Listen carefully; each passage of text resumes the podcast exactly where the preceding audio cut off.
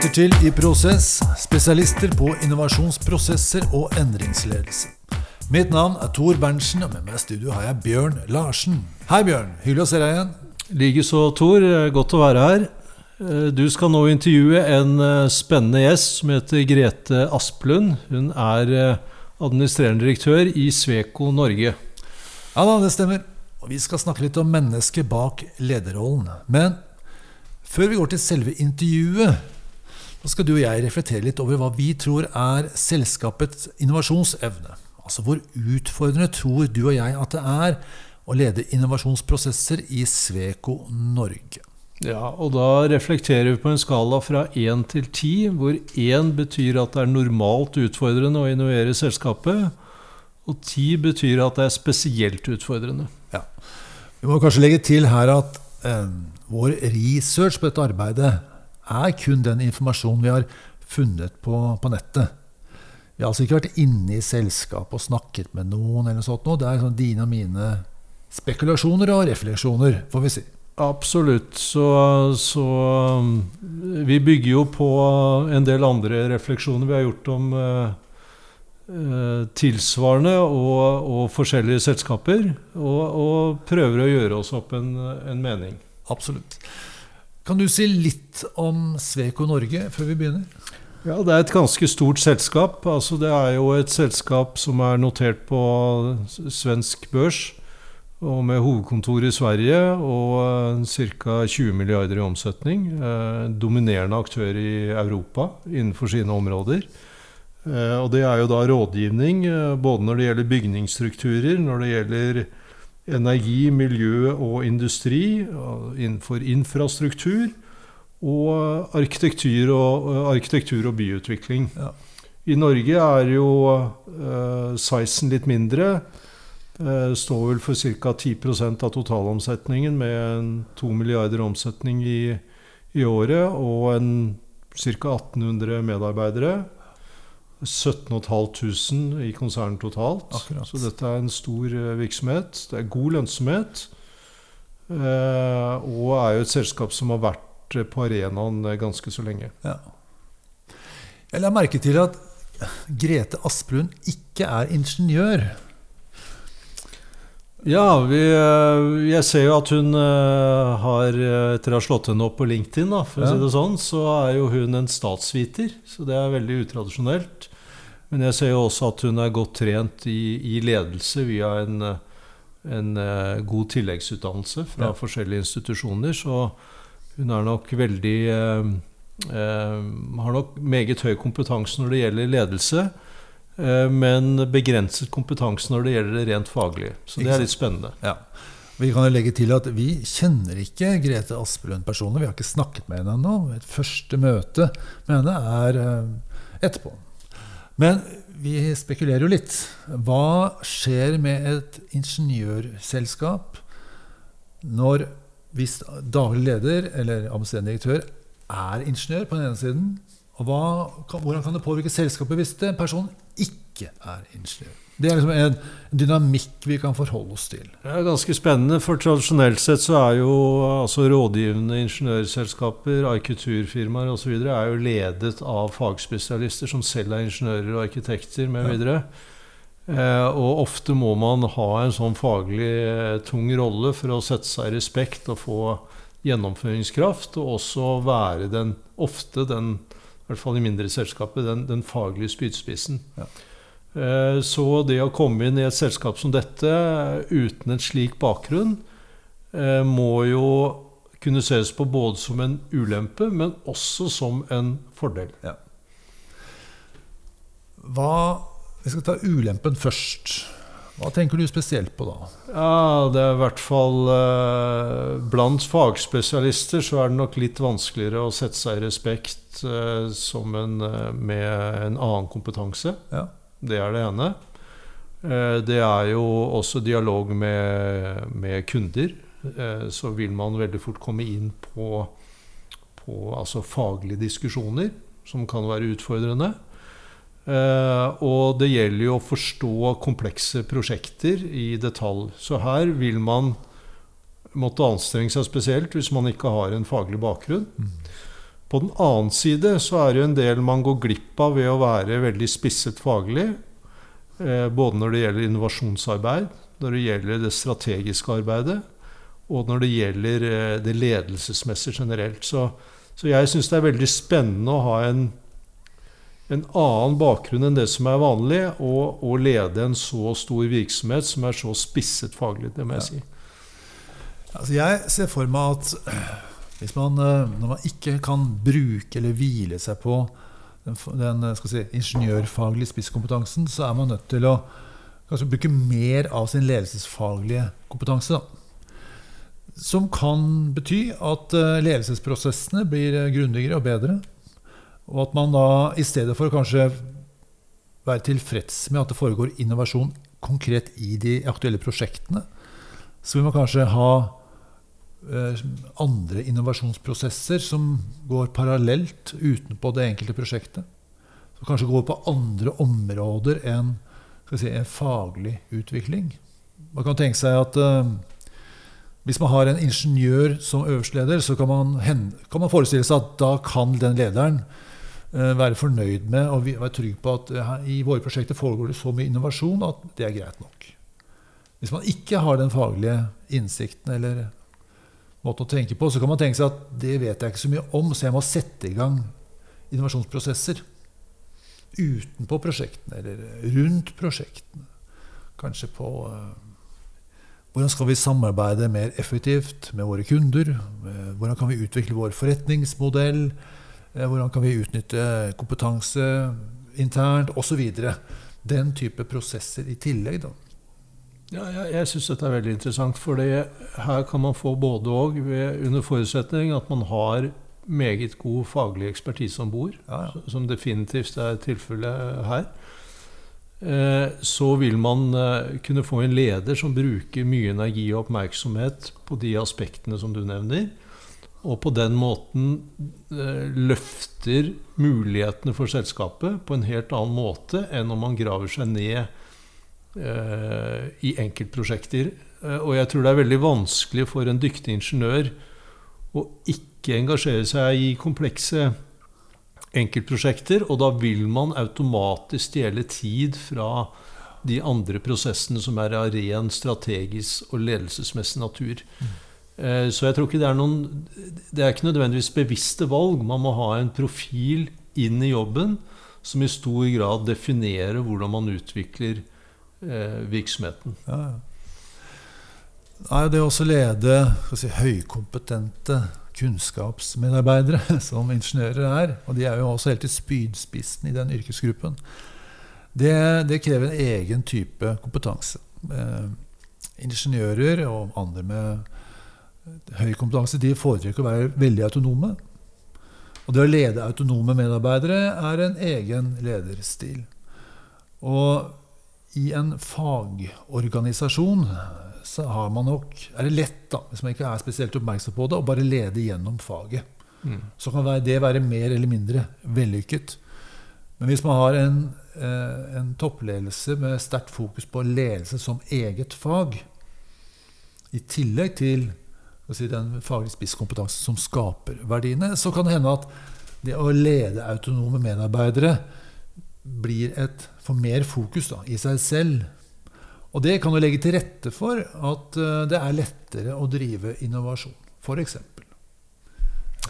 Absolutt. Og, og um, altså det man mister, er jo den dybden, den faglige dybden. Ja. Og, og, det man nok ikke får med seg, er jo en, en Altså man har ikke erfaring på det medarbeiderne i hverdagen driver med.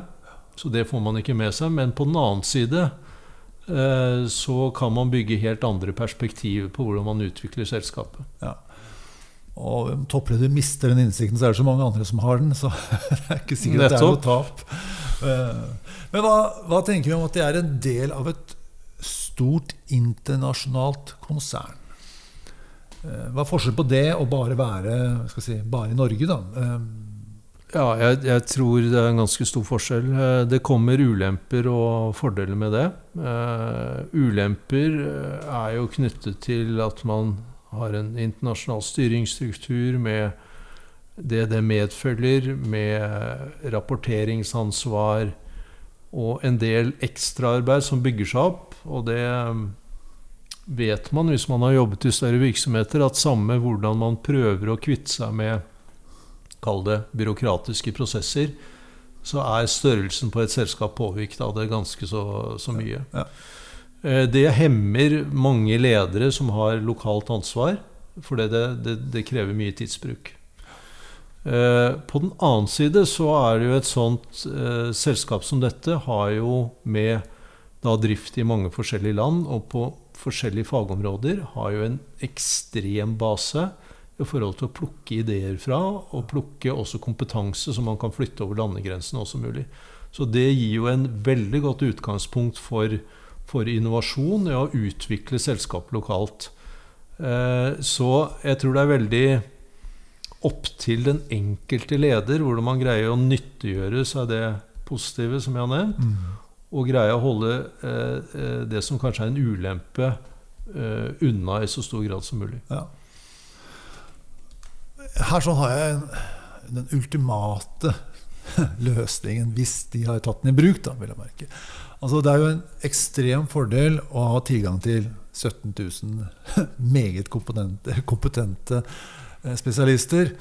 Men hvis du ikke klarer å involvere de og få tak i de på en effektiv måte, så blir det på en måte et gode som ikke blir utnyttet.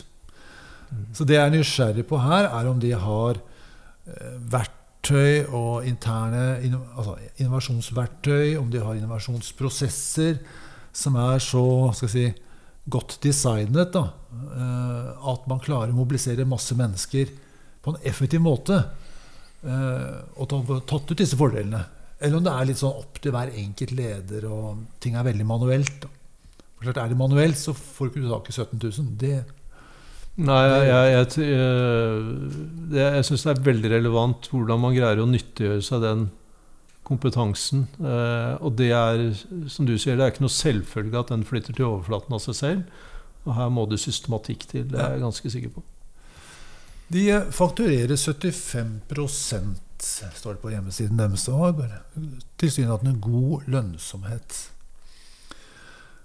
Tenker vi at da 25% er det da innovasjonsarbeid, eller?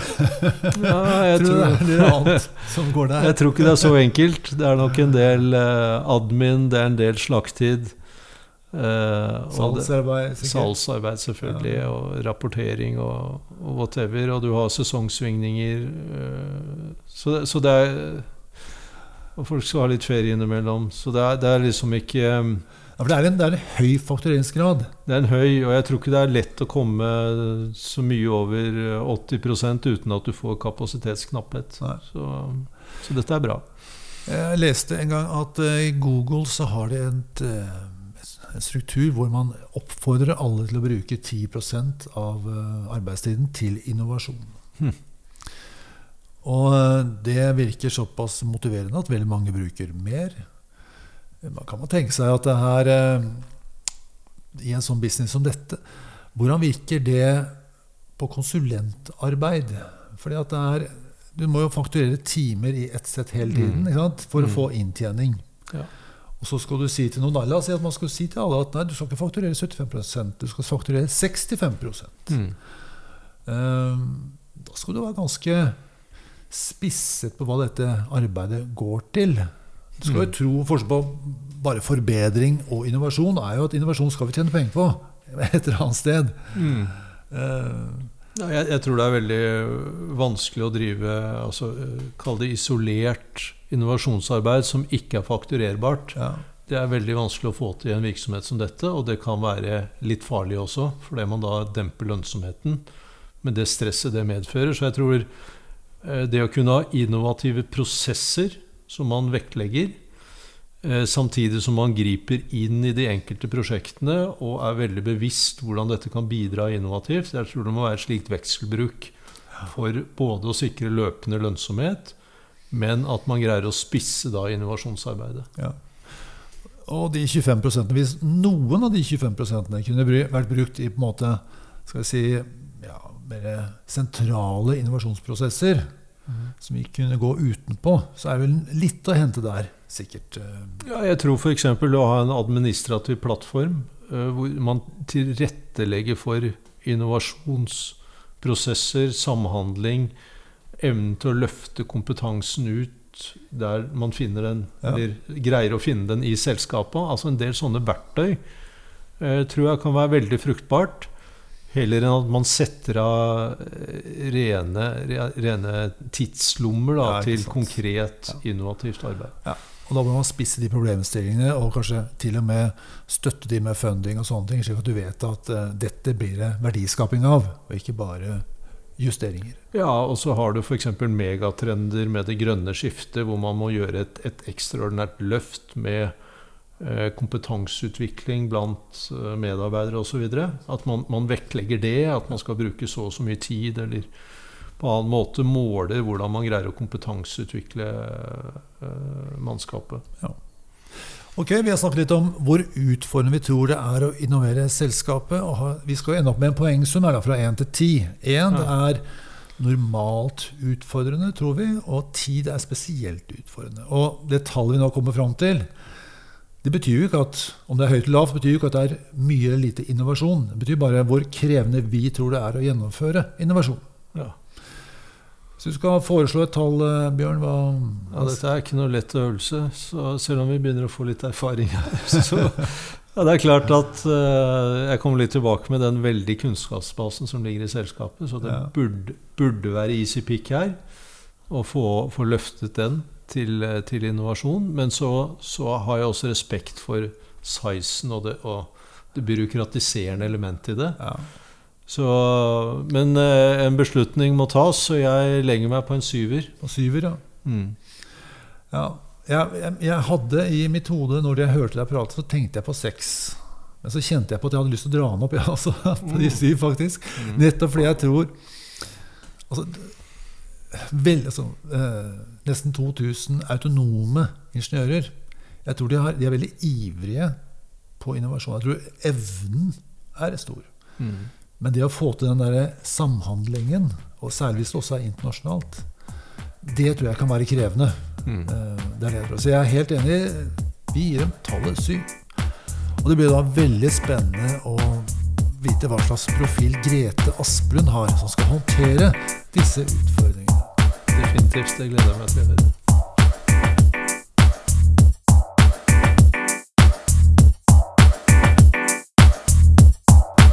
Du lytter til I Prosess, spesialister på innovasjonsprosesser og endringsledelse. I dag skal vi snakke med Grete Aspelund, administrerende direktør i Sveko. Velkommen, Grete. Tusen takk. Du, Grete, Bjørn og jeg vi har snakket litt, eller spekulert litt kanskje, om um, hvor krevende vi tror det er å innovere i Sveko. Og på en skala fra 1 til 10, så sa vi 7. Det er litt vanskelig, altså. Eh, hva tenker du om dette? Er vi inne på noe, eller bommer vi helt fullstendig? Nei, jeg hørte jo på den uh, vurderinga. Jeg syns at den var veldig interessant å høre på, da, først og fremst. Men så tenker jeg også at dere har ganske rett. Og, og den uh, terningkasten, hvis man kan kalle det det, fikk meg sjøl til å tenke på hvor jeg ville plassert det. Ja. Ehm, og noe av grunnen til at det ikke er lett å innovere i en bedrift med så mange kloke hjerner, og, og varme hjerter også, må jeg legge til, da, Ja. det er jo fordi at det er også veldig mye individualisme. ikke sant? At alle har veldig masse gode ideer hele tida. Ja.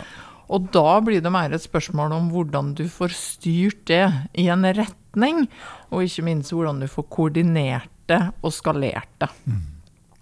Ja, det er sant. For det er ikke slik at en god idé er nødvendigvis god i seg selv. Det må jo bidra til å realisere strategien, eller et eller annet som bidrar til business. da. Helt riktig. Og derfor så er det hos oss veldig viktig det her med kunden, kundeperspektivet. Ja. Og vi er veldig tydelige med våre medarbeidere at det finnes veldig mye spennende vi kan gjøre, men det skal være relevant for kunden og for prosjektet. Ja, det er klart. Før vi går videre, vil jeg si litt om bakgrunnen for denne podkasten. Psykolog Daniel Kahneman fikk nobelpris i økonomi i 2002. Med sin forskning utfordret han modellen som er hele grunnlaget for samfunnsøkonomenes analyser. At vi mennesker tar rasjonelle valg for å maksimere egeninteresser.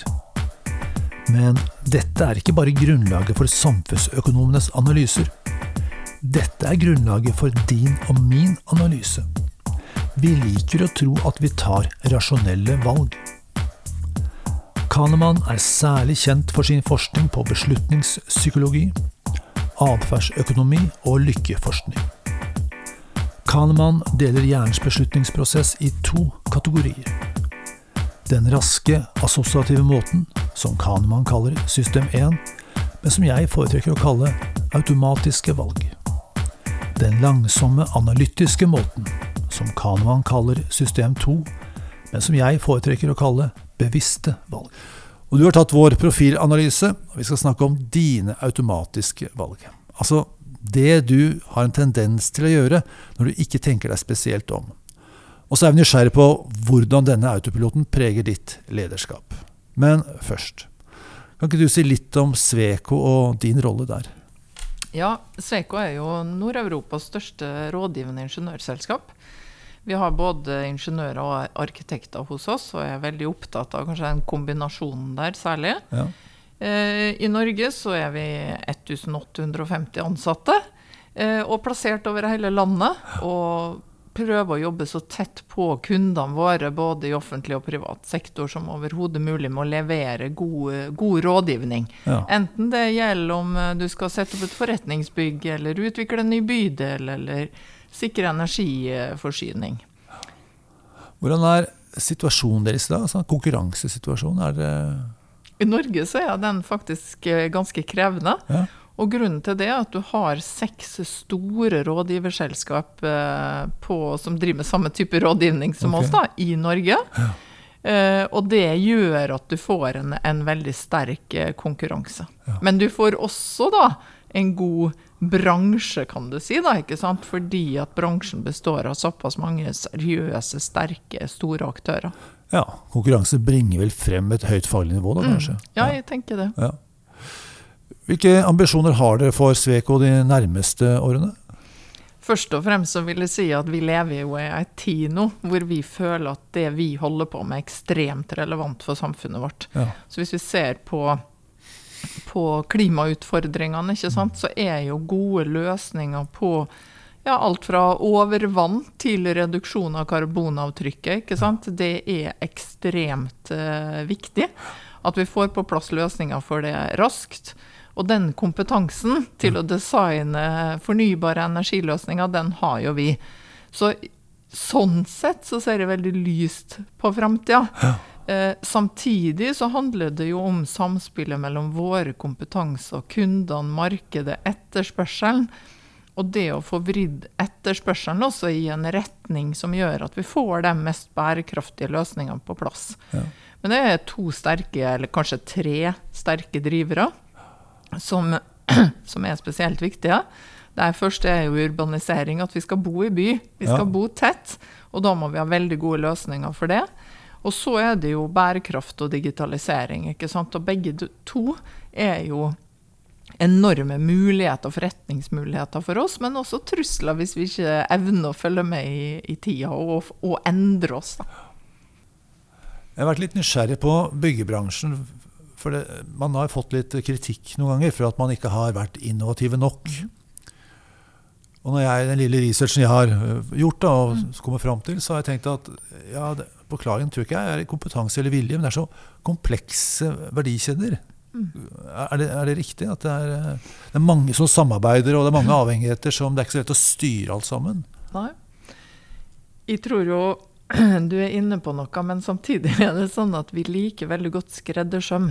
Oh, ja. Så vi er kanskje ikke så fremst på organisatorisk læring, f.eks. Altså, vi liker gjerne å begynne på nytt i ethvert prosjekt og lage noe unikt. Oh, ja. eh, og det bringer oss litt tilbake til introduksjonen din. Hvorfor kan det være litt vanskelig å innovere? Fordi jeg tenker at Når du skal innovere, så må du på en måte holde på over tid. ikke sant? Ja. Og du må se koblinga fra et prosjekt til et annet.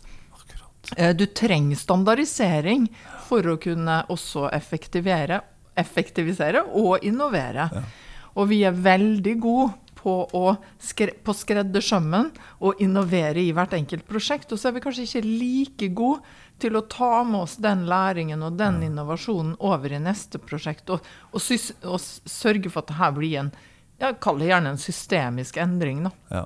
Eller så må jeg bare legge til at jeg tror vi i bransjen etter hvert er veldig kjent med den McKinsey-oversikten hvor eh, bygg- og anleggsbransjen havner nest sist sammen med jegere og fiskere på liksom, evnen til innovasjon. Da.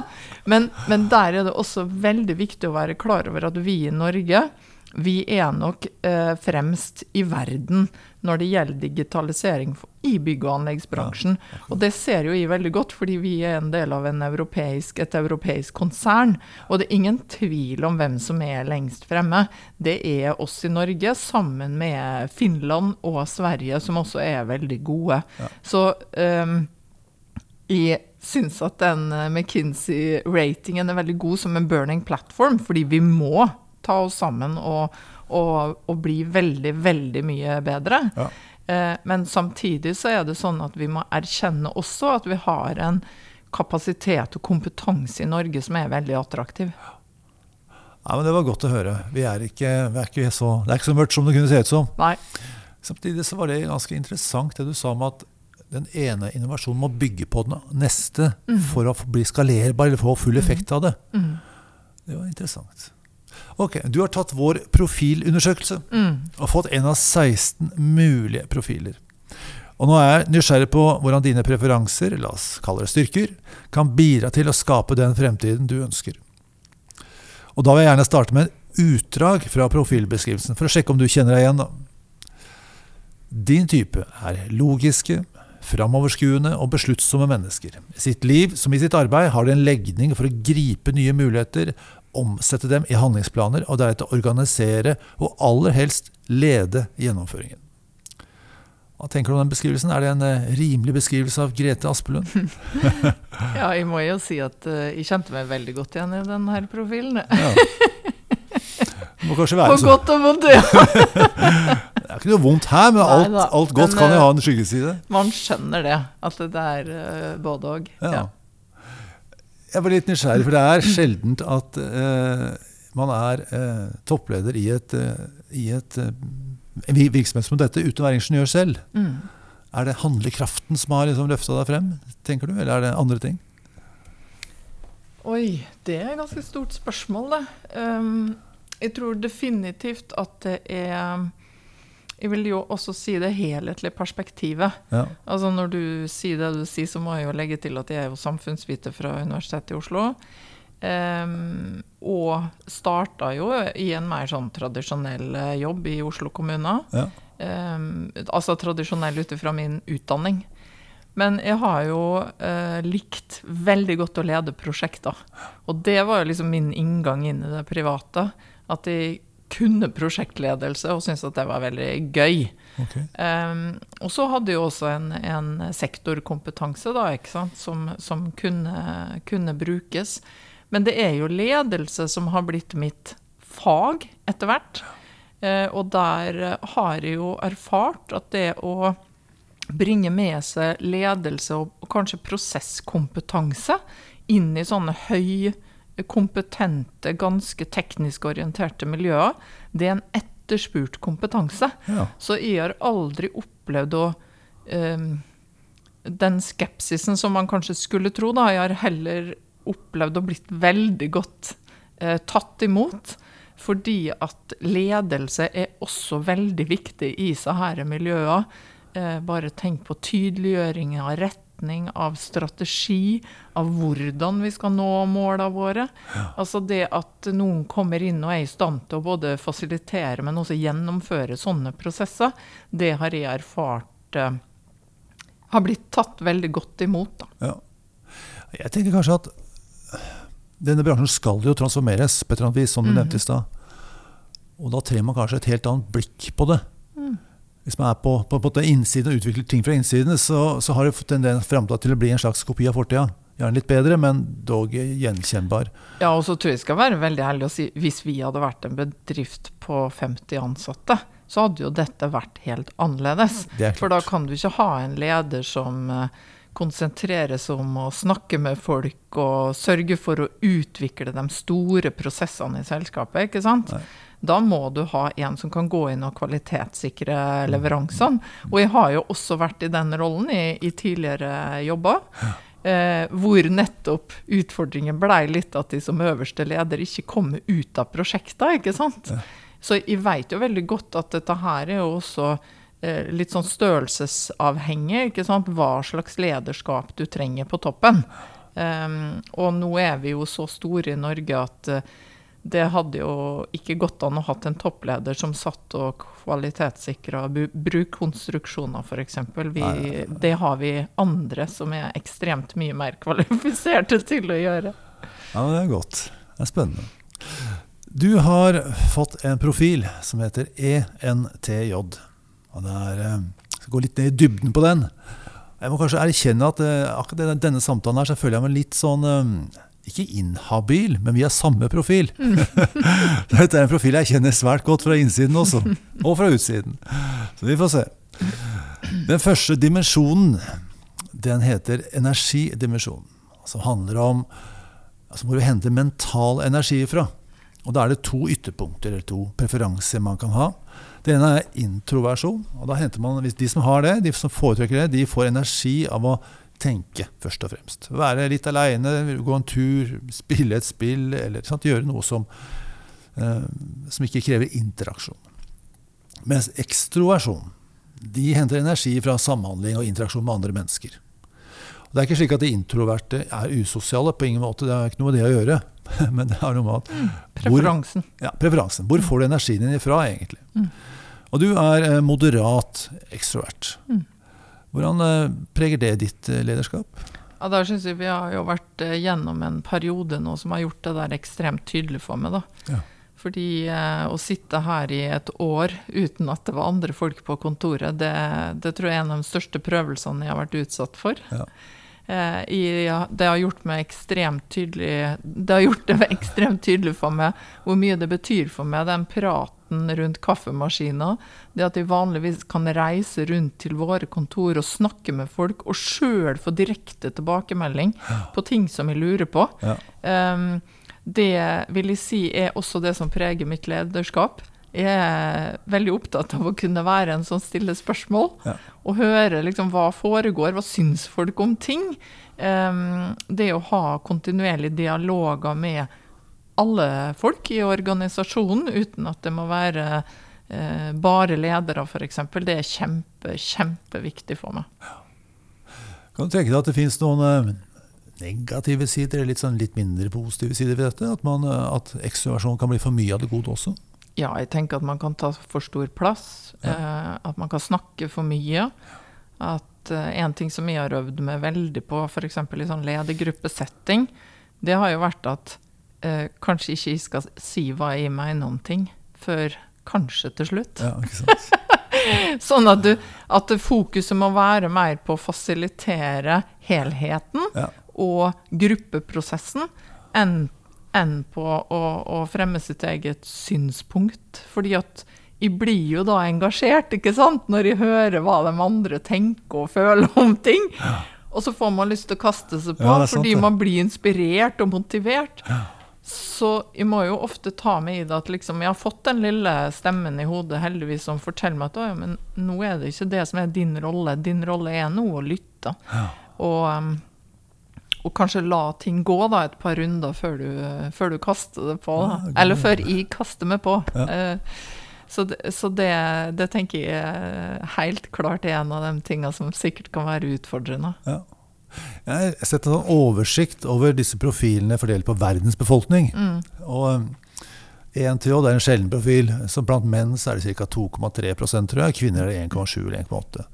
Så budskapet er på seg selv kjenner man ikke andre. Eh, Og det er noe jeg kjenner meg veldig godt igjen i, som jeg måtte ha lært meg. da. Ikke sant? Og ikke, ikke anta at de andre nå rundt deg tenker sånn som du. Ja. Uh, og det fikk jeg en skikkelig påminnelse om også når jeg, du fikk meg til å ta den her testen nå, da. Så det uh, er veldig nyttig, egentlig, med sånne litt jevnlige påminnelser. ja, ja. Altså, hvis man er veldig ekstrovert, så er det lett å tenke seg at hvis folk er stille, altså hvis folk er introverte, Mm. så er de lite engasjerte. Mm. Men det er jo absolutt ikke. Det er jo masse som foregår på innsiden av hodet, og de føler ikke behov for å si det på samme måte. Så du nevnte at du ble sånn inspirert og bare hadde lyst til å dele. Eh, hvis du er veldig sterkt introvert, så har du ikke så kan du dele hvis, du, hvis noen ber om det, men det er ikke, det er ikke den driven på akkurat det. Mm. Men eh, engasjementet på innsiden er kanskje enda større. Men det er også et eh, veldig godt poeng du har der. Og, eh, for å regulere sin egen atferd, så kan man også bruke dem rundt seg. Ja. Eh, og i ledergruppa som jeg er ansvarlig for nå, da, der har jeg jo noen ikke sant, som er helt bevisst når jeg liksom tenker at oi, nå er vi litt ivrig på beslutning her, kanskje vi skal sjekke med han som pleier å Ja. tenke litt mer før han sn snakker. ikke sant, Og, og det, det syns jeg er veldig nyttig, da. Ja, ja det høres bra ut. Jeg er også blitt mer glad i forskjeller. Folk som er ulik meg. Det, er, hvis de liker det motsatte av hva jeg liker. Det er veldig gøy. Eh, Neste dimensjon kaller man opplevelsesdimensjon, eller hvordan vi tar inn informasjon. Og Den går mellom preferansene S og N. S står for sansing, og de som foretrekker det, de altså Alle sanser jo, hvis ikke hadde det blitt litt komplisert. Men eh, de som har eh, S i profilen sin, de er veldig glad i detaljer. Veldig glad i skal vi si, eh, historien frem til nå. Og vil gjerne ha oversikt over det før de bestemmer seg for hva de skal gjøre videre. Blir lenge de, i de detaljene. Mens en N er ikke så glad i detaljer. N har liksom bare lyst til å rase litt fort gjennom dem og så se hva er bruksverdien. Og så kan de dykke ned i detaljen hvis de må etterpå. Og du er en, en svak N. På hvilken måte preger det lederskapet ditt? Ja, da, da må jeg jo først si at sist de tok den testen her, som sikkert er ti år siden, eller noe sånt, da var jeg en S, men også en svak S, da. Ja. Så det her er nok noe i meg hvor jeg kan nok dykke inn i detaljene når jeg må. Jeg bruker å si det når jeg snakker med gjerne litt sånn yngre ledere, da, at en av de eh, viktige tingene å forstå er at man må faktisk opp og ned i heisen. Altså Alle ledere må faktisk ned i underetasjen av og til for å sikre at vi vet hva vi snakker om. Ja. At vi har faktabasen på plass. Og for meg er det et, et viktig bilde, så jeg kan gjøre det hvis jeg må. Men jeg har også er, erfart at etter hvert som jeg har fått mer og mer ledererfaring, så blir det mindre og mindre viktig for meg. Ja. Og jeg opplever også at vi ofte kan bruke for mye tid da, på å diskutere historikken og hva gikk galt, og hvorfor ikke ting funket, Ja. istedenfor å på en måte rette blikket fremover og så få opp farta på det litt. Slik snakker en ekte 1-J-er. Ja. det er høy fart i denne profilen.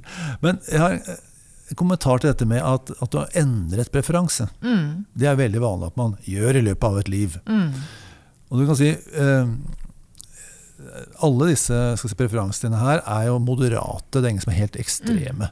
mm, Og så er det et ordtak som sier at man blir litt sånn slipt i kantene med årene. mm. Det liker jeg ikke i det hele tatt. Hvis du hadde hatt denne profilen her som 25-åring, så ville jeg sagt her kan det hende at du ikke er helt sikker på at du vet hva du foretrekker. Men med litt livserfaring så er det motsatt. Du har egentlig ekspandert. Sånn du har ikke, eh, når, når du går fra S til N, så betyr det at du håndterer S-en like bra som du Mm. gjorde tidligere. Det er ikke borte. Men, og du har, kan jo håndtere N også hvis man bestemmer seg for det, men du har også, i tillegg til at du håndterte det, du har lært deg å like det. Mm. Sånn du har, deg, du har gjort så mye at du har lært deg å like den nye preferansen. Mm. Og det har blitt en del av det du foretrekker å gjøre Mm. automatisk. Da. Og det er det vi gjør når vi blir eldre. Vi lærer å Mm. håndtere begge perspektivene. Mm. Så det er en ekspansjon, ikke en slip til kantene. Mm. Ja, det er godt å høre. Vi jeg tror jo vi aller fleste, vi ledere, vi prøver virkelig veldig hardt å jobbe med oss sjøl, da. Ja. Ikke sant? Og så tar det ofte lengre tid enn man skulle tro. Fordi vi er jo mennesker, vi er jo ikke Det er ikke bare å omprogrammere. Nei, det Men, eh, men det er klart at uh, gjennom et sånt langt lederliv så har du jo uh, både fått testa, men også opplevelser hvor du har skjønt at ok, dette var kanskje ikke måten å håndtere ting på, og så Ja. prøver du over tid å justere, da. Ja, det er, er Mm. forutsetningen for den Mm. utviklingen. Det er bare sånn det er. Rett og slett. Det neste dimensjonen er avgjørelsesdimensjonen. Altså hvordan vi vurderer og beslutter. Eh, De som har T i sin profil, de foretrekker en logisk, rasjonell beslutningsprosess. Det er som en ligning eller regnestykke. Du bare legger sammen to pluss to, så får du fire. Mm. Mens de som har F i sin profil, de, de har en sterkere følelse av hva som er rett og galt. Mm. Og denne følelsen er ikke tull og tøys. Det er liksom, vi kaller det ofte emosjonell rasjonell. Mm. Eh, Så det er mer, kanskje en mer kompleks beslutningsprosess som bygger på erfaring. Mm. Og så henter ut en beslutning som ikke er så lett å forklare bestandig. Da, ikke sant? Mm. Og du er en, en, en moderat T på det logiske. Eh, Hvordan merker du det i hverdagen? Er det Ja, det er veldig lett å merke. Okay. Fordi når folk kommer og foreslår noe, da, så sier bare OK, hva er faktabasen? Ja. Eh, og det Altså, eh, jeg er egentlig litt overraska over at det ikke er enda sterkere preferanse. For jeg syns at de i, i lederhverdagen da blir stilt overfor dette fryktelig, fryktelig ofte. Hvor Ja. noen har lyst til å gjøre noe, eller beslutte noe, eller sette i gang noe, Ja. uten at den logiske rekka er på plass. Ikke sant? For eksempel, OK, men hva er problemet vi skal løse? Eh, hva vet vi? Ikke sant? Hva er fakta? Ehm, så, så veldig ofte så føler jeg at de bruker den her eh, Ja. hva skal vi si, preferansen, da.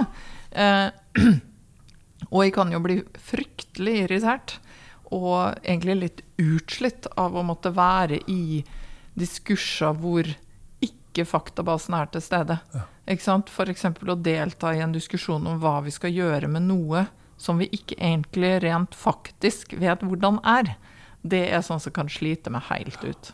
Da logger jeg av. Da begynner jeg å tenke på andre ting. Men jeg følger deg 100 Jeg har det på samme måte. Hvis, ikke, hvis, det, hvis det rasjonelle ikke er på plass så Mm. Nei, det greier jeg ikke Nei, å forholde meg til, rett og slett. Og, og det har jo uh, sine dypt negative sider, da. F.eks. Uh, i sånn vennerelasjoner, ikke sant. Hvis øh, noen pre presenterer utfordringer i privatlivet, ikke sant, og jeg greier ikke å få den Rasjonaliteten er ikke på plass. Så kan jo den der lederhjernen slå fullstendig inn, ikke sant. Ja. Og, og du kan foreslå for noen, kan du ikke bare sette opp et T-skjema ikke sant, og bestemme hva du skal gjøre. Og da, da, da er du jo ikke en god venn. Det handler jo ikke om det, ikke sant. Men, men sånn i jobbforhold så syns jeg nok det er fryktelig viktig at vi har eh, faktabasen på plass før vi tar en beslutning. Nei, det er sant. Det er, um, det er mange emosjonelle forhold som får en tilsynelatende rasjonell presentasjon. Mm. Er man veldig opptatt av det rasjonelle, så avslører man det ganske raskt. Mm. Men da spørs det igjen, da. Eh, mange ENTJ-ere som jeg har snakket med, meg selv inkludert, kan ha en tendens til liksom ikke synes at det emosjonelle er så viktig. Mm. Det kan liksom være noen, noen sterke T-er kan tenke at det emosjonelle er litt sånn støy, for det forstyrrer jo saken. Og saken er selve greia. Mm. Men som de F-ene så er det jo motsatt. Det emosjonelle er hovedgreia. Mm. Saker er det kommer og går, liksom. det, jobbsammenheng er kanskje greit, det er jo, det er jo T-en helt eh, overlegen som regel, men hvordan, hvordan kjenner du på det? Det, det der er super. Det er en av de tingene som jeg er skikkelig dårlig til, det er å håndtere mine egne følelser. Ja.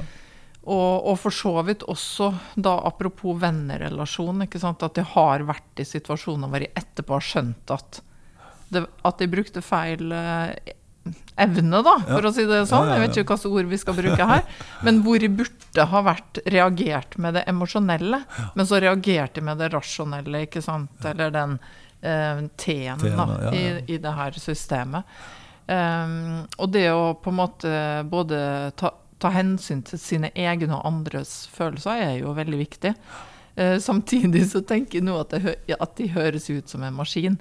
Altså, jeg er jo også en person som er veldig opptatt av, eh, nettopp fordi av erfaringer fra mitt eget liv, Ja.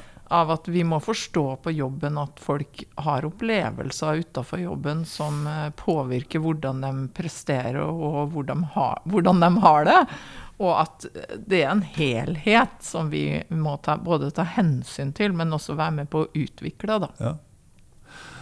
Jeg, mange en-til-jobbere, meg selv inkludert, er kanskje mer opptatt av andres følelser enn mine egne. Så jeg, hvis jeg, mine, mine er ganske flate. altså, jeg har det bra hver dag. Det er ikke noe big deal. Hvis jeg ikke har det, så er det ikke alltid jeg veit at jeg ikke har det. Nei, også kanskje fra et sånt analytisk ståsted, ikke sant. Vi kan være veldig opptatt av å forstå hvorfor folk sier det de sier, Ja, eller ja. hvorfor de ikke har det bra, eller hvorfor de har det, eller mener det de mener. Ja.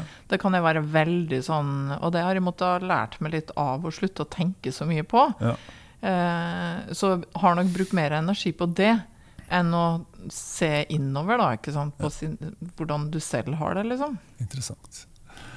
Jeg tenker at eh, den F-en har jo vært eh, si, undervurdert i mange år, etter mitt inntrykk. For at det, altså, fram til ganske nylig så har det vært sånn at hvis du skal gjøre noe nytt, ja, sett opp et Excel-ark, lag et business case, Ja. sånn, regn det ut. Eh, Og det er greit. Men skal du drive litt med innovasjon og, og ting som ikke har skjedd før, da, altså lage helt nytt, så kan du ikke. Det er en høy grad av risiko. Og, og magefølelsen er eh, kanskje sånn derre ja, jeg Det føles riktig å gå i den veien. Jeg forklarer det. Nei, det er ikke så lett. Mm. Jeg tenker at Det har kanskje fått en mer høyere status blant ledere nå enn enn- enn tidligere. Hva, hva tenker du om? Følelsen, tenker du Ja, på? det er måten å ta Eller intuisjonen på. da, på at dette er riktig. Ja, Som jo er veldig mye erfaringen vår, ikke sant? Liksom hva vi har sett har fungert før. Ja. Det som har vært avgjørende for meg der, har jo vært eh, igjen til, tilbake til det prosessuelle. da. Det der å prøve å lage, legge til rette for noen prosesser som gjør at vi stadig lærer noe nytt.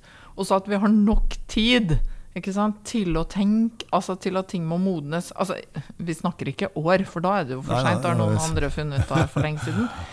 Men det der å, å sørge for at det er en prosess som gir oss hele tida in input, altså kunnskap, erfaring, sånn at vi kan bygge gradvis, men samtidig i et tempo som er høyt nok, men, men som gjør at ting kan modnes. Det har nok vært, eh, vært veldig viktig for meg. Og det der at jeg har slutta å tro at vi kan innovere her i løpet av noen uker eller måneder. ikke sant? Altså, det kan vi når det gjelder bitte små inkrementelle endringer. da. Ja. Men liksom virkelig skape noe nytt, så må man nødt til å tenke veldig, veldig langsiktig på det. Den siste dimensjonen kalles ofte livsstilsdimensjonen. handler om hvordan vi foretrekker å innrette oss i livet. Med Det er ganske stort perspektiv, så i arbeidslivet kan man kanskje si eh, hvordan vi organiserer arbeidshverdagen, eller hvordan vi organiserer arbeidslivene våre. Den handler om avgjørelse, som forkortes til J, og opplevelse, som forkortes til P. Og J-ene er veldig glad i ordning og reda, og liker å ta beslutninger, liker å lage planer, gjerne detaljerte planer, og følge planen. Og en J ser på et avvik fra en plan, selv om det er fornuftig og, og sant? som et nederlag. Vi burde lagd så gode planer at vi klarte å følge dem. Mens P-ene tenker helt annerledes. De er ikke opptatt av den form for kontroll. De er mye mer opptatt av opplevelse. Så MP lager også planer, det må de. Men de er mye rausere, og det er lagt opp til stor grad av improvisasjon. Så MP ser på improvisasjon og fleksibilitet som styrker. Helt, helt motsatt av, av, av J-ene, egentlig. Og eh, i dette perspektivet her så har du fått en moderat J. Eh, Det er ca. fem poeng av 14 mulige. Eh, Hvordan merker du det i hverdagen? Er, det, er du glad i struktur og ordning og reda? Ja, veldig. Jeg er veldig glad i det. Det må jeg bare innrømme, altså. Ja. Og jeg, jeg blir nok litt stressa når jeg ikke ser at de rundt meg har en plan. Ehm, men det er ikke sånn at jeg ikke anerkjenner at folk har andre måter å gjøre ting på. Men det som i hvert fall jeg har ansvar for og jeg må rapportere på, sånn, det, det stresser meg hvis det ikke ligger en, en plan. Og det er også veldig sånn at det skjer sånn automatisk oppi hodet mitt når det er noe som skal gjøres, da, Ja. eller løses. Så begynner jeg å tenke på hvordan den planen skal se ut. Og da, da tenker jeg ikke i, i Excel-ark og sånn. Da tenker jeg i sånn prosesslinje. Hvilke prosesselementer, hva gjør man først, og hva gjør man sist, og sånn. Og det skjer bare helt automatisk oppi hodet mitt, så begynner jeg å lage et sånt kart. Ja. Og, og må bare innrømme at jeg, jeg syns det er vanskelig når ikke det ligger.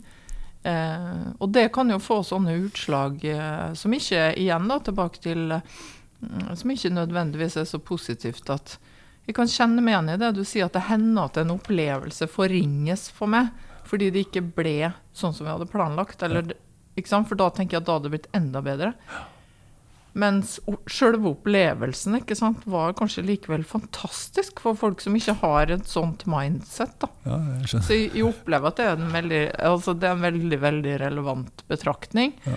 Samtidig må jeg si at eh, for meg da, så er dette her uh, nok en utrolig viktig eh, preferanse i forhold til å håndtere hele totalen. Jeg har jo vært leder nå i ikke, 15 år eller noe sånt. Og jeg har jo en familie og et liv, Ja. ikke sant, som også er jobb.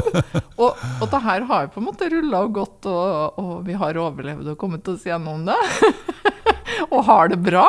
Så jeg tenker jo også at det har hjulpet med veldig den strukturen og evnen til å se fremover og planlegge hva kommer til å inntreffe, hva må være på plass for at, at det her skal være bra, da. Det har nok eh, vært en enorm eh, hjelp for meg. eh, Både jobbmessig og, og på privaten, og ikke minst i koblinga mellom dem to. Da. Ja, ja det skjønner jeg. Nei, Vi er jo skrudd sammen likt, så det, jeg følger jo det helt. Jeg, jeg kjenner jo igjen det, at, sånn som du sier, at eh, hvis du har et problem, så er det, lager man en struktur, strukturell Mhm. tilnærming. Yes. Alle, alle problemer har en strukturell løsning på et eller annet vis. Mm. Eh, Så man ser prosessen foran seg. Og, og det kan jo også være sånne ting at jeg, jeg har litt problemer med tilliten, ikke sant? Når jeg ikke ser at den strukturen eller Ja. prosessen er på plass. Da kan de få litt problemer med tilliten til det mennesket eller den, det teamet da, ikke Ja. sant? som skal, skal på en måte ta hånd om det vi snakker om. da. Ja. Nei, det er spennende. For det er jo Jeg tenker også at det er selvfølgelig er en klar styrke.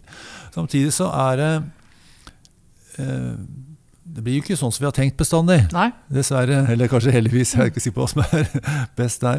Men det er jo, så den evnen til å være smidig er jo også en, en viktig styrke, som også kanskje blir bedre og bedre, eller viktigere og viktigere i Mm. tiden nå. da, Med mer innovasjon og hvor det er så mye som skjer. At det er liksom eh, ja, I gamle dager så kunne du eksempel ta en endringsprosess, og så hadde du en start og en slutt. Mm. I dag så pågår det alltid flere endringsprosesser, og det er ikke noen som slutter. Nei. Ja. Så det er blitt mye mer eh, Det er som et mylder av Mm. hendelser som man må orientere seg i. Eh, Og det er også, Da blir også den smidigheten en slags styrke. da. Men det er vanskelig å kommunisere. Ja, det er det, men, men der må jeg innrømme at der må jeg være litt sånn Gi meg sjøl et lite klapp på skuldra. Fordi at fordi om jeg er veldig opptatt av struktur og prosess og, og sånt, så er jeg ekstremt opptatt av, også av at utfallet veldig ofte mye av det vi holder på med i dag, er ukjent. Ja. Hvis du tenker på bare i det selskapet her, digitaliseringsprosesser, og hva er liksom det viktigste vi gjør, f.eks. Eh, det viktigste vi digitaliserer, det er ikke mulig å se for seg på forhånd hva resultatet av det skal bli. Men, men der igjen, for meg så er det derfor det er så viktig å ha verktøy og prosesser og modning, ikke sant? Det er nettopp fordi utfallet er ukjent. Det samme gjelder i dag eh, veldig mye innenfor bærekrafttematikken, klimautfordringene. Vi vet jo ikke i dag hvordan vi skal håndtere prosjektene våre ute i markedet, f.eks. For, eksempel, for å sikre at vi faktisk bidrar til betydelig reduksjon av klimaavtrykk. Men små drypp kommer hele tiden. Vi kommer nærmere og nærmere svaret av en systematisk tilnærming. Men, men det er derfor jeg er så opptatt av ok, vi må ha en tanke om hvordan vi kommer til målet. Ja. Så vet vi ikke helt hva målet er. Og det lever vi helt fint med. Ja. Det syns jeg til og med er ganske spennende og gøy. Ja. Og, og ser også at eh, det er jo noe av det som er morsomt å jobbe med, da, når ikke svaret er gitt på forhånd. Ja, det er bra. Og jeg tenker i dette skjemaet så ser dette ut som motsetninger. Mm. Det trenger ikke være det. Nei, nei, absolutt ikke. Nei, for Du kan lage en strukturert plan uh, Mm. som mobiliserer folk, får til å handle i riktig retning. Og at i denne perioden så er jeg spesielt opptatt av innovasjon. Mm. Neste periode er jeg mer opptatt av drift, Mm. f.eks. Ja. Og innafor de rammene Mm. så er det jo massevis med improvisasjon og fleksibilitet. Og, Mm. ikke sant? Og til og med F-en er jo kanskje superaktivert der. Mm. Så det behøver ikke være motsetninger. Det er Nei. bare her det ser sånn ut. Enig. Eh, Og jeg har hatt mange dialoger også med kollegaer hvor eh, Altså hvor vi har snakka om betydningen av prosessen. Da. For hvordan skal du ellers sikre at du får et godt resultat hvis du ikke har noen tanker om prosessen Ja. for å komme dit? Nei, det? Så, det, så det er liksom et eller annet med at du må sikre at du har de rette elementene i prosessen din hvis du skal ha noen mulighet til å komme frem til en, Ja. et godt resultat. Jeg har et lite slagord for meg sjøl hvor jeg sier at uh, alt som er viktig, er vanskelig, og det krever at flere mennesker samarbeider. Ja, helt riktig. Og det, det er det samarbeidet i en viss retning som du fasiliterer, da, eller, Mm. eller strukturerer opp. Ja, det er godt. Og det har jo blitt viktigere og viktigere, ikke sant? Ja. For det der på tvers-arbeidet er det jo mer og mer av. I gamle dager så kunne vi i vår bransje ha masse folk som jobba her, som bare jobba med én ting gjennom hele livet. Det skjer nesten ikke lenger. Og innovasjoner skjer ofte når folk som ikke pleier å jobbe, som jobber sammen, eller folk med ulik kompetanse møtes. Ja. Tilbake til vårt tidligere poeng. Jeg tenker at det å være eh, toppleder og ikke være liksom helt nede i detaljene, er jo en stor Mm. styrke for å se helhet og prosesser, og ikke nødvendigvis bare prosjekter og oppgaver. Mm. eh, tenker jeg da. Eh, Ja, jeg håper i hvert fall og tror at det er noe av det jeg har tilført i mine lederjobber. Det er nettopp fokuset på ledelse, Ja. på, på pros prosesser, på strategien. Altså at vi løfter oss litt ut av hverdagen, kikker litt lenger frem. Hva er det som skjer i samfunnet rundt oss, og hvilke behov er det vi skal svare på? Ja. Og hvordan kan vi komme dit over tid? over tid. Mm. Ja, det er bra. Du, jeg tenker sånn at eh, Jeg opplever ofte at ledere løper fra møte til møte. og Medarbeidere jobber ofte på, langt utover kvelden for å få gjort det de skal, og osv. Mange snakker om en tidsklemme som vi sliter med. Eh, Hva gjør du for å ta kontroll på tiden og unngå liksom gå, i automatisk modus? Kanskje roe litt ned og tenke helhetlig og langsiktig? Ja, jeg jobber faktisk ganske mye med meg sjøl med den autopiloten. Ja. Og ikke gå inn i sånn beslutningsmodus for kjapt. Og det er ikke noe som jeg gjør fysisk nødvendigvis. Det er ikke sånn at jeg må dra på hytta for å skru på den. Men, men at jeg prøver å la det være en del av hverdagen. Altså øke bevisstheten om mine egne reaksjoner.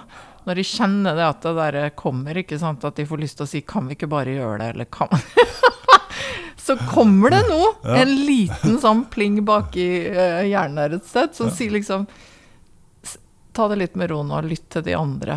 Er det riktig tidspunkt, liksom? Så jeg prøver hele tida å Ja, akkurat som jeg syns du har fått synliggjort veldig godt nå, da. Jobbe med de tinga som jeg veit er feller jeg kan gå i, eller mønster som kan gjentas. Um, og så er det selvfølgelig også sånn for meg at jeg etter hvert har blitt mye flinkere til å OK, eh, gå hjem og, og gjøre noe annet. Være ute, gjøre alle disse tinga der. Men jeg tror det vikt, aller viktigste er nettopp den derre å bli bevisst sine egne reaksjonsmønstre, og så prøve sakte, men sikkert å jobbe med, med dem, da. Har du en sånn aktiv indre monolog hvor du liksom snakker med deg sjøl litt for å, for å bevisstgjøre deg på disse tingene? Eller åssen foregår det? Ja, altså det er jo en av de tingene som jeg ikke har vært så god til, da, for jeg har ikke vært så god til å lytte til meg sjøl, kanskje. Eh, men eh, det har jeg Det er faktisk en av de tingene som jeg benytta korona litt til. Ja. Eh, fordi da har alt blitt så annerledes.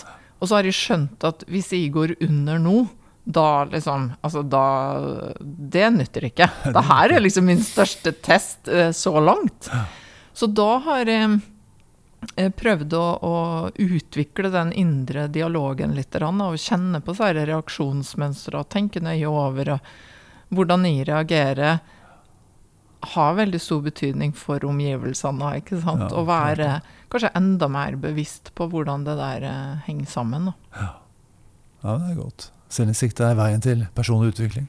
Ja, men altså, det er jo faktisk slik at du kan forandre det sjøl. Ja. Det er, eh, men det å forandre andre, det tenker jeg liksom er et litt annet prosjekt. Men eh, først seg selv, kanskje akkurat der. Ja. Veldig interessant. Vet du hva, Da sier jeg tusen takk for samtalen. Tusen takk, Tor. Det var veldig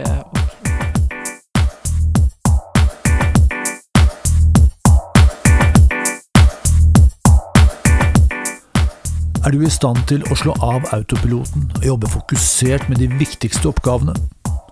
Eller blir du fanget av hverdagens umettelige krav og tar automatiske valg? Og hvordan vet du hva som er forskjellen?